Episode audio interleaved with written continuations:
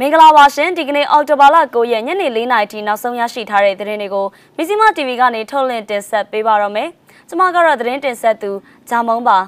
စစ်ကောင်စီနဲ့တွေ့ဆုံဆွေးနွေးဖို့မရှိဘူးလို့ကရင်နီတက်မတော်စစ်ဦးစီးချုပ်ပြောလိုက်ပါတယ်။တောင်တကုံမြို့နယ်ကအုပ်ချုပ်မှုတွေနှုတ်ထွက်ဖို့လူငယ်တော်လှန်ရေးအဖွဲ့ကတတိပေးခဲ့ပါတယ်။မုံရမြို့နယ်ကသတင်းပေးဒလန်အမျိုးသားတနက်နဲ့ပြစ်တက်ခံခဲ့ရပါတယ်။ဒီသတင်းတွေနဲ့အတူမန္တလေးမြို့ကတပိတ်အဖွဲ့9ခု ပေါင်းပြီးပြုလုပ်တဲ့ဆန္ဒပြရုပ်သံကိုလည်းရှုစားရမှာပါလက်ရှိအခြေအနေမှာအာဏာသိမ်းစစ်ကောင်စီနဲ့တွေ့ဆုံဆွေးနွေးဖို့အခြေအနေမရှိတဲ့အကြောင်းကရင်နီတပ်မတော် KA နဲ့ကရင်နီအမျိုးသားများကာကွယ်ရေးတပ် KNDF ရဲ့စစ်ဦးစီးချုပ်ဗိုလ်ချုပ်စောဘီထူးကပြောလိုက်ပါတယ်ဒီကနေ့မှကျင်းပပြုလုပ်တဲ့ကရင်နီတပ်မတော်အခြေခံအပတ်စဉ်81စစ်တင်နန်းစင်ပွဲမှာမိန့်ခွန်းပြောတဲ့အခါသူကခုလိုပြောခဲ့တဲ့အကြောင်း ကရင်နီမျိုးသားတိုးတက်ရေးပါတီ KNPP မှတရားဝင်သတင်းထုတ်ပြန်ထားပါတယ်။စစ်တပ်ကအာဏာသိမ်းပြီးတဲ့နောက်ကရင်နီပြည်နယ်မှာတော့ဒေသကာကွယ်ရေးတပ် PDF တွေကရင်နီတပ်မတော် KA ကရင်နီအမျိုးသားများကာကွယ်ရေးတပ် KNDF ပူးပေါင်းတပ်တွေနဲ့အာဏာသိမ်းစစ်ကောင်စီတပ်တို့ကြားတိုက်ပွဲတွေပြင်းပြင်းထန်ထန်ဖြစ်ပွားနေတာဖြစ်ပါရဲ့ရှင်။ရန်ကုန်ကသတင်းနဲ့ဆက်ချင်ပါတယ်။တောင်တကုံမြို့နယ်ကအုပ်ချုပ်ရေးမှုတွေစစ်ကောင်စီသတင်းပေးဒလန်တွေကိုယာဒူကနှုတ်ထွက်ဖို့နဲ့ သူတို့ရဲ့လုပ်ရက်တွေကိုရက်တန်းကရက်ဖို့ Young Revolutionary Force YRF အဖွဲ့ကအခုလ9ရက်နေ့မှာသတိပေးချက်ထုတ်ပြန်ထားပါတယ်။တောင်တကုံမြို့နယ်ကရက်ကွက်အုပ်ချုပ်ရေးမှုတွေရာအိမ်မှုတွေအားလုံးလက်ရှိယာတုကနေချက်ချင်းနှုတ်ထွက်ကြဖို့နဲ့ရက်ကွက်နေပြည်သူတွေကိုစစ်ကောင်စီကအာဓမဖမ်းဆီးရမှာသတင်းပေးနေတဲ့ဒလန်တွေအားလုံးသူတို့ရဲ့လုပ်ရက်ကိုချက်ချင်းရပ်တန့်ကြဖို့အောက်တိုဘာလ9ရက်နေ့ကစပြီး YRF အဖွဲ့က သတိပေးကြေညာလိုက်ပါတယ်။ YRF အဖွဲ့အနေနဲ့မျက်ခြေမပြတ်စောင့်ကြည့်နေမှာဖြစ်ပြီးသတိပေးထားတဲ့ကြားကဆက်ပြီးတော့ပြည်သူတွေကိုဒုက္ခပေးတာစစ်ကောင်စီနဲ့ပေါင်းပြီးပြည်သူတွေပေါ်နိုင်ထက်စီးနဲ့လှုပ်တာအပါအဝင်ထပ်ပြီးဖမ်းဆီးတာတွေမြို့နယ်ထဲမှာဖြစ်လာခဲ့ရင်အဲ့ဒီသူတွေနဲ့သူတို့ရဲ့မိသားစုတွေရဲ့အသက်ကိုတက်ညာပေးမှာမဟုတ်တဲ့အကြောင်းစတဲ့ဆောင်ထုတ်ပြန်ထားပါတယ်။ အောက်တိုဘာလကစပြီးပြည်သူ့ကာကွယ်ရေးတပ်တွေကမိမိမြို့နယ်တွေကအုပ်ချုပ်ရေးမှုတွေကိုနှုတ်ထွက်ကြဖို့သတိပေးချက်တွေထုတ်ပြန်နေကြတာဖြစ်ပါတယ်ရှင်။စကိုင်းတိုင်းမုံရွာမြို့ကသတင်းကိုလည်းဆက်ပြောချင်ပါသေးတယ်။ကျေးမုံရွာမှာနေတဲ့စစ်ကောင်စီသတင်းပေးဒလန်အမျိုးသားဒီကနေ့မနက်ကဦးကောင်းကိုတနက်နဲ့ပြစ်ခံရပြီးတေဆုံးသွားပါပြီ။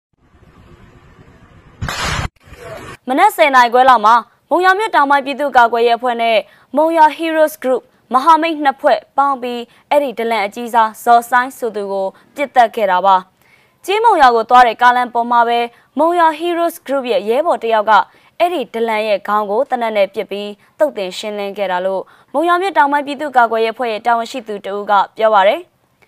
အဲ့ဒီသေဆုံးသူကရွာထဲကိုစစ်ကောင်စီတပ်ဖွဲ့ဝင်တွေဝင်ဖို့အမြဲသတင်းပေးနေတာလို့ဒေသခံကဆိုပါရယ်မုံရွာမြို့တောင်ပိုင်းပြည်သူ့ကာကွယ်ရေးအဖွဲ့ကစစ်ကောင်စီသတင်းပေးဒလန်တွေကို သူတို့ရဲ့လုပ်ရက်တွေရက်တန်းကရက်ဖို့အကြိမ်ကြိမ်သတိပေးပြီးပါပြီဒါကိုရက်တန်တာမျိုးမရှိရင်အခုလိုပဲတုတ်တင်ရှင်းလင်းကြရမယ်ဆိုပြီးတော့ထပ်သတိပေးလိုက်ပါတယ်အရင်လကကြေးမုံရွာတဲ့စစ်ကောင်စီတပ်တွေဝင်းရောက်ပြီးနေအိမ်တချို့ကိုရှာဖွေရမှာရွာကန်လူငယ်တချို့နဲ့နှစ်ဖက်ပစ်ခတ်မှုတွေရှိခဲ့ပါတယ်ဒီလိုအဖြစ်ပြက်တွေကြောင့်ရွာကန်လူငယ်တွေဖမ်းဆီးခံရတာတိဆုံးတာတွေရှိခဲ့တာဖြစ်ပါတယ် ဒီကနေ့နေ့လယ်ပိုင်းကမန္တလေးမြို့မှာတော့တပိတ်အဖွဲ့၅ခုပေါင်းပြီးစစ်အာဏာရှင်စနစ်ကိုစန့်ကျင်ကြောင်းချီတက်ဆန္ဒပြခဲ့ကြပါတယ်မန္တလာတက္ကသိုလ်တပိတ်စက်မှုတပိတ်ဘာသာပေါင်းစုံတပိတ်အရန်ညီတဲ့ချမ်းစီတပိတ်နဲ့ချမ်းအေးတာဆန်တပိတ်တို့ပူးပေါင်းတဲ့တပိတ်စစ်ကြောင်းတစ်ခုပြုလုပ်ခဲ့တာပါဆန္ဒပြတဲ့ရုပ်သံကိုလည်းရှုစားပေးပါအောင်ရှင်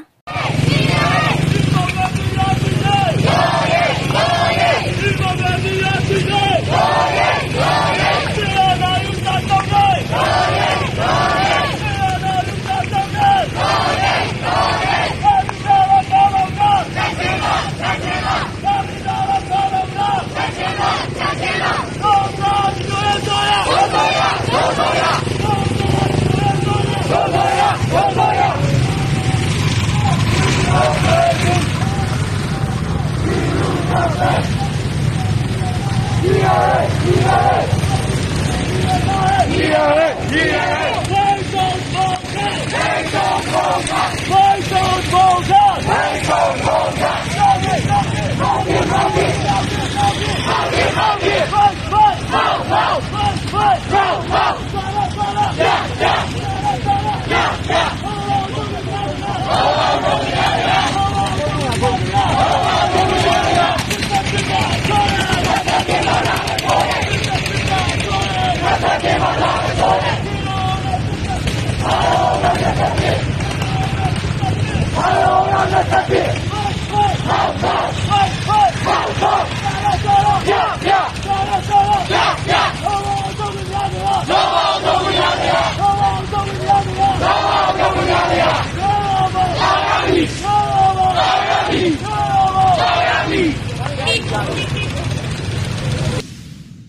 မင်းစီမရဲ့သတင်းတွေကိုနေ့စဉ်စောင့်မျှော်ကြည့်ရှုပေးကြတဲ့အတွက်ကျေးဇူးတင်ပါတယ်ပြည်သူအလုံးလက်ရှိကြုံတွေ့နေရတဲ့အခက်အခဲဒုက္ခအမျိုးမျိုးကနေအမြန်ဆုံးလွန်မြောက်ကြပါစေလို့ဆုတောင်းရင်းနဲ့နှုတ်ဆက်ပါရစေရှင်။